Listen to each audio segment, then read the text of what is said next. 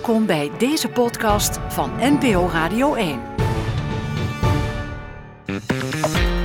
Dat er ooit een Nederlandse minister zou opstappen omdat hij nooit in een vakantiehuisje met Vladimir Poetin heeft gezeten, dat was natuurlijk een kwestie van tijd. Halbe Zijlstra trad deze week af als minister van Buitenlandse Zaken, al probeerde Frans Timmermans nog te redden wat er te redden viel.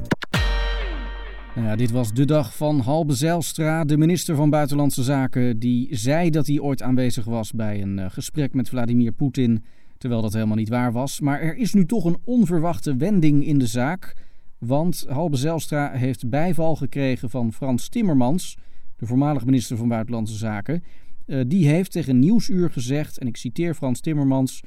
U weet dat er een VVD-sjaaltje is gevonden in de buurt van het vakantiehuis van Poetin... Iemand moet dus de tijd gehad hebben om dat daar kwijt te raken. Einde citaat. Nou ja, Timmermans zei ook nog uh, van we weten niet hoe die ontmoeting is geweest. Uh, did they lock hands with each other? Did they look each other in the eye? We weten het niet. Kortom, dit is toch wel weer een mooie steunbetuiging voor Halbe Zijlstra. Op de Olympische Spelen won Jara van Kerkhoff zilver bij het shorttrack. Ja, er gebeurde heel veel vandaag, maar laten we niet vergeten dat Jara van Kerkhoff zilver heeft gewonnen op de 500 meter bij het short track. Dat is op zichzelf natuurlijk heel mooi, maar na afloop gaf zij aan dat het besef er nog niet is.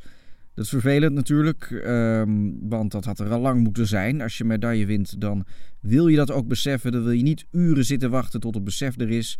Waarschijnlijk is het een fout van de organisatie. Die had gewoon het besef moeten regelen. Dat is niet gebeurd. En daardoor heeft eh, Jara van Kerkhoff nog altijd geen idee dat ze een medaille heeft gewonnen. Heel slordig, ze gaan nu wachten tot morgen. En als besef er dan nog niet is, ja, dan gaat er een klacht komen bij het IOC. Want uh, dit kan natuurlijk niet, of zoals ze het zelf zegt, dit is heel onwerkelijk en niet te bevatten. Donderdag zat heel Nederland aan de buis gekluisterd voor de Olympische 10 kilometer. Zou Ted-Jan Bloemen dan eindelijk goud winnen? Ja, Hierdoor bleef de zesde plaats van de Nederlander Sven Kramer enigszins onderbelicht. De dag voor de wedstrijd merkte je al dat er heel veel druk op stond bij iedereen. Ja, we gaan vooruitblikken op de Olympische dag van morgen, de 10 kilometer, met opnieuw medaillekansen voor Nederland. We krijgen Jorrit Bergsma, de titelverdediger, in rit 4 tegen Davide Giotto. En eh, Bergsma start in de buitenbocht en heeft dus het voordeel van de laatste binnenbocht.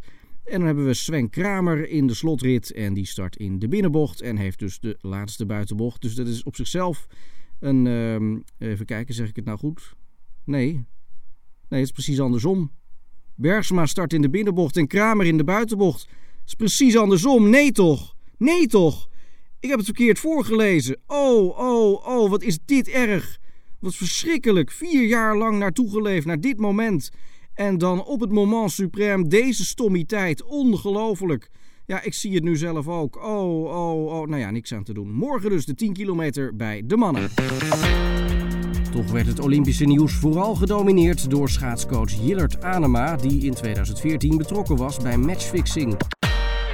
Ja, morgen gaan de Olympische Spelen gewoon weer verder zonder schaatsafstanden, maar wel met medaillekansen voor Nederland. Jillert Anema, hij gaat in actie komen op het onderdeel matchfixing bij de mannen. Dat begint morgen om twee uur en Anema is de titelverdediger. Vier jaar geleden in Sochi matchfixte hij naar het goud en uh, hij moet morgen als eerste. En hij moet ervoor zorgen dat de ijshockeywedstrijd Canada-Rusland in 3-3 gaat eindigen. Nou, dat heeft hij al eerder laten zien dit seizoen. Dat was op een laaglandbaan, maar toch... Dus hij heeft het in huis. Maar ja, Dragan Korimov uit Tsjetsjenië, de wereldkampioen, die gaat er misschien voor zorgen dat Olga Horstbrugel ten val komt bij de reuzenafdaling. En ja, dan kan het wel eens heel uh, raar gaan lopen. Morgen dus Jillert Anema. En ik lees zojuist dat er is afgesproken dat hij zilver gaat winnen. Dus toch weer een medaille voor Nederland. In Nederland werd intussen gedebatteerd over de afschaffing van het raadgevend referendum. Er wordt nog gekeken naar alternatieven, zoals een hoopgevend referendum, een schoorvoetend referendum of een gekscherend referendum. Als het referendum gekscherend is, hoeft de regering de uitslag alleen maar op te volgen, bij wijze van spreken. Ja, vanavond debatteerde de Tweede Kamer over de afschaffing van de referendumwet. Minister Ollongren van D66 wil het referendum afschaffen en ze wil ook niet dat er over die afschaffing een referendum gehouden kan worden. Het is natuurlijk een ingewikkeld onderwerp. Ik heb zelf ook zitten nadenken van wat vind ik er nou van. Uh, ik kwam daar niet helemaal uit, want voor beide standpunten valt wat te zeggen.